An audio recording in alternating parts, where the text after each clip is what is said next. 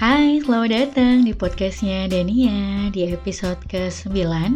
Selamat memperingati Hari Penghapusan Kekerasan Terhadap Perempuan hari ini 25 November 2020 Angkat topi dan salam hormat aku untuk seluruhnya yang sedang, pernah, dan juga akan berjuang dalam advokasi penghapusan kekerasan terhadap perempuan di Indonesia khususnya untuk yang turut bergerak bersama. Semoga tidak kehilangan semangatnya, semoga segera menemui titik terang. Kita tahu upaya advokasinya tidak mudah, tapi langkah panjang ini harus tetap dimulai. Juga selamat untuk kamu, para perempuan korban kekerasan yang akhirnya berani untuk menyelamatkan diri dan bersuara. Selamat menyembuhkan diri dan selamat bertumbuh kalau ada yang bertanya gitu, kenapa sih cuman fokus ke perempuan? Memangnya yang mengalami kekerasan tuh cuman perempuan ya dan kalau ini sih agak panjang ya diskusinya. Ya memang karena 25 November itu adalah hari yang diperingati untuk mengenang um, pembunuhan atas tiga perempuan di tahun 1960 kalau nggak salah karena dia um, sangat vokal menyuarakan ketidakadilan. Jadi dari peristiwa tersebut kemudian di dibuatlah hari ini untuk menjadi momentum bahwa ada loh kekerasan yang berbasis gender. Meskipun aku tidak menghilangkan fakta bahwa kekerasan tuh memang benar bisa dialami oleh siapa saja, Terus juga kalau di berita itu kan lebih banyak dibicarakan bahwa hmm, kekerasan kan biasanya dilakukan oleh orang asing, oleh misalnya kekerasan di ranah publik kayak catcalling atau misalnya um, yang ekstrim itu ada kayak pelecehan seksual di tempat publik oleh orang yang tidak dikenal sama sekali gitu. Dan biasanya orang akan bilang ya bajunya sih terbuka, budaya victim blaming masih kuat banget. Padahal kalau mau lihat fakta, di Komnas Perempuan itu dia setiap tahun ngerilis data catahu. Biasanya mereka sebutnya catatan tahunan. Tuh kamu bisa lihat tuh komparasi tahun per tahun. Yang biasanya um, menjadi pelaku kekerasan itu suami kemudian saudara ayah pacar tetangga teman gitu. Itu 75% ada yang dilakukan di ranah publik dan di oleh orang asing sisanya. Maksudnya kita lagi bicara statistik bahwa memang lebih banyak mereka yang mengalami kekerasan dan dilakukan oleh orang terdekat. Terus mungkin kita kayak mikir gak sih masa sih orang terdekat sanggup gitu melakukan kekerasan? Masa sih orang yang sayang sanggup nyakitin orang yang dia sayang? Halo sayang itu kan yang jadi pertanyaan ya tapi sebenarnya um, apa namanya yang menjadi sulit adalah karena sebenarnya kekerasan yang dibahas yang dimaksud kekerasan yang dilakukan oleh orang terdekat itu tidak cuman kekerasan fisik. Nah kalau fisik mah kelihatan ya, maksudnya badan biru, lebam, berdarah, atau misalnya nih yang uh, tingkat derajat keparahannya lumayan tuh kayak sampai mengalami cacat atau kematian gitu. Itu kan physically kelihatan. Sementara kekerasan tuh banyak jenisnya. Ada yang mental, kayak misalnya sering dibully, sering dikatain, bikin um, salah satu pihak jadi ngerasa nggak berharga, atau kekerasan ekonomi, kayak misalnya ditipu, dibohongi soal uang gitu kekerasan spiritual bisa juga kekerasan seksual itu pasti ada juga disebutkan salah satunya. Jadi banyak gitu macam-macam jenisnya. Dan emang um, berasa sulit untuk dilaporkan kalau kekerasannya adalah yang tidak fisik karena nggak kelihatan.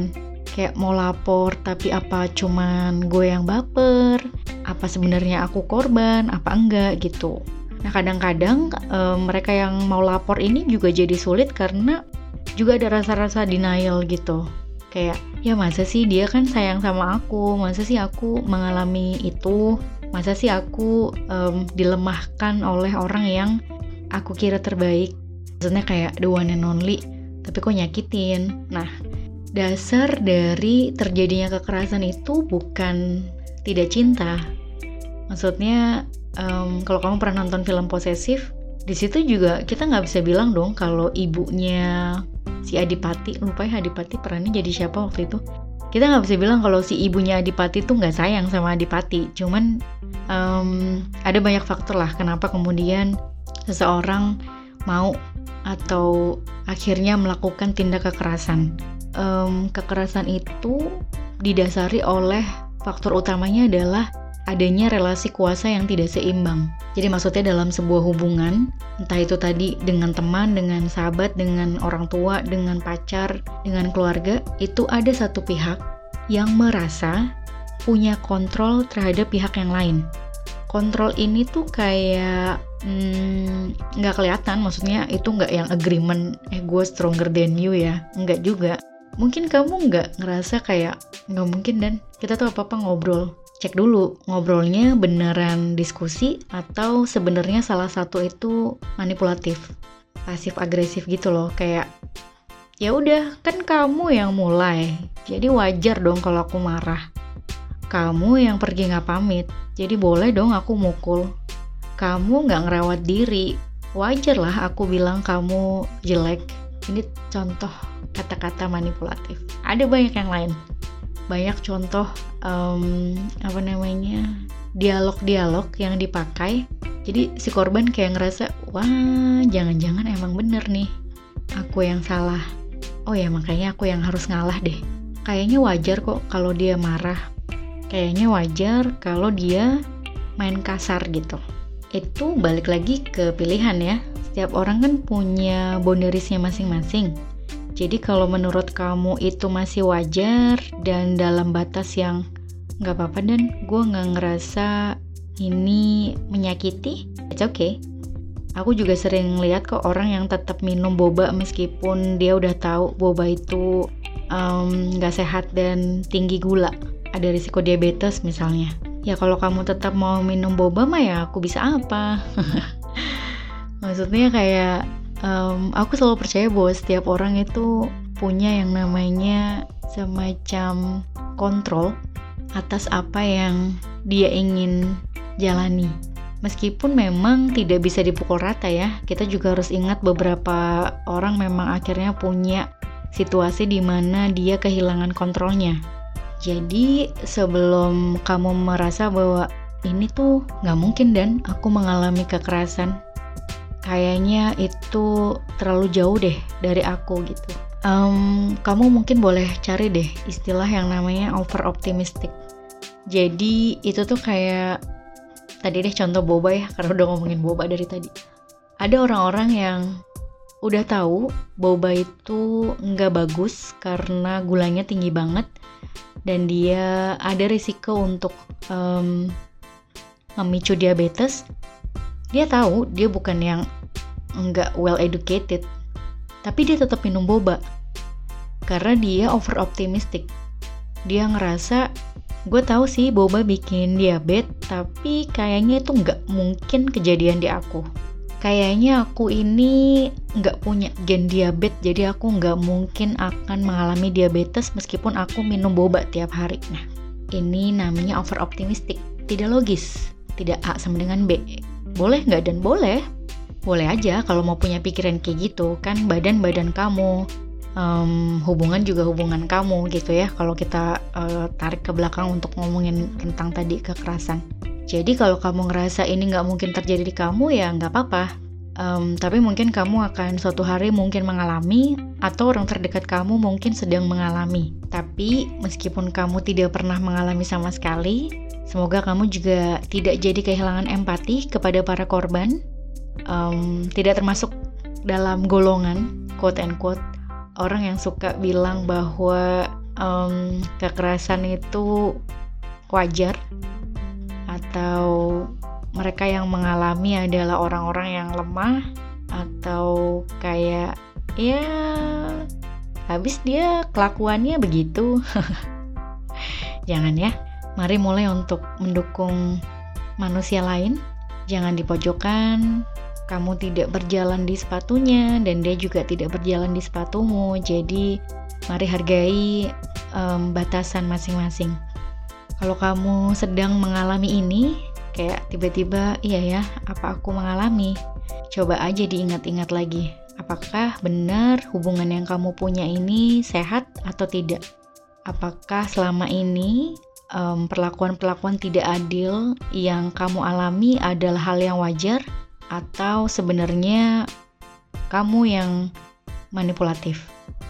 Evaluasi diri juga mana tahu ternyata kita yang jadi pelaku kekerasan. Nggak sadar. Nggak niat gitu tapi ya, ngelakuin juga. Untuk kamu yang sudah dalam proses penyembuhan atau baru aja keluar dan quote and quote menyelamatkan diri aku ucapkan selamat. Cari bantuan kalau memang diperlukan um, kamu bisa kontak Komnas Perempuan. Itu mereka juga punya tim yang nanti bisa ngerujuk kamu kalau ada dari kamu yang dengerin ini dan bener-bener nggak tahu dan gue nggak tahu harus cari bantuan ke mana. Please do reach out to me. Di Instagram aku aku akan tulis di description box. Aku akan coba referkan atau akan coba rujukan ke jejaring yang aku tahu. Kamu tidak pernah sendiri jadi um, tenang aja di luar sana banyak banget yang mau bantuin kamu jangan lupa maafin diri sendiri Anggap aja kamu lagi bertumbuh menjadi pribadi yang lebih baik. Ada banyak banget hal yang memang tidak bisa kita kendalikan. Tetapi respon kita terhadap permasalahan yang dihadapi itu bukan salah satunya. Kamu boleh jadi hari ini patah, tapi jangan lama-lama ya. Ada lebih banyak yang bisa diperjuangkan, ada banyak yang nunggu kamu di depan, dan mungkin terdengar sangat klise, tapi masa depan benar-benar tidak ditentukan hanya dengan masa lalumu. Sehat selalu kita ya. Untuk yang bantu support, ikuti diskusinya, suarakan kepedulianmu. Kita tidak pernah tahu siapa yang sedang membutuhkan bantuan. Terima kasih sudah mendengarkan podcastnya Dania. See you in the next episode. Bye for now.